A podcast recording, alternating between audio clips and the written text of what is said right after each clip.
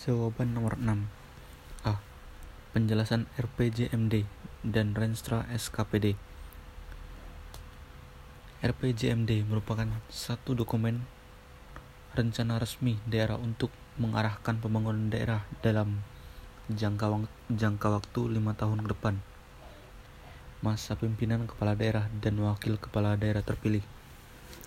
Rens, Renstra SKPD merupakan satu dokumen rencana resmi daerah untuk mengarahkan pelayanan satuan kerja perangkat daerah khususnya dan pembangunan daerah pada umumnya dalam jangka dalam jangka waktu lima tahun ke depan masa pemilihan masa pimpinan kepada kepala daerah dan wakil kepala daerah terpilih. B.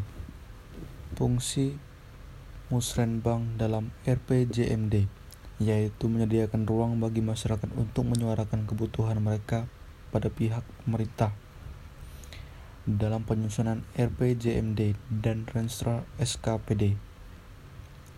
Musrenbang merupakan pendekatan bottom up di mana suara bagi warga bisa secara aktif mempengaruhi rencana anggaran dan bagaimana proyek-proyek pembangunan disusun. Penjelasan skema dari visi misi dan program Kades yang terpilih kemudian disusun rencana awal RPJMD oleh Bapeda. Di dalam RPJMD ada program SKPD, maka dari itu SKPD harus menyusun Renstra SKPD juga.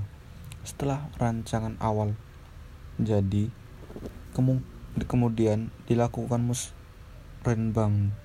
Dari hasil musrenbang kemudian Bapeda menyusun rancangan akhir RPJMD dan RPJMD ditetap, ditetapkan kemudian digunakan untuk pedoman penyesuaian rancangan RKPD.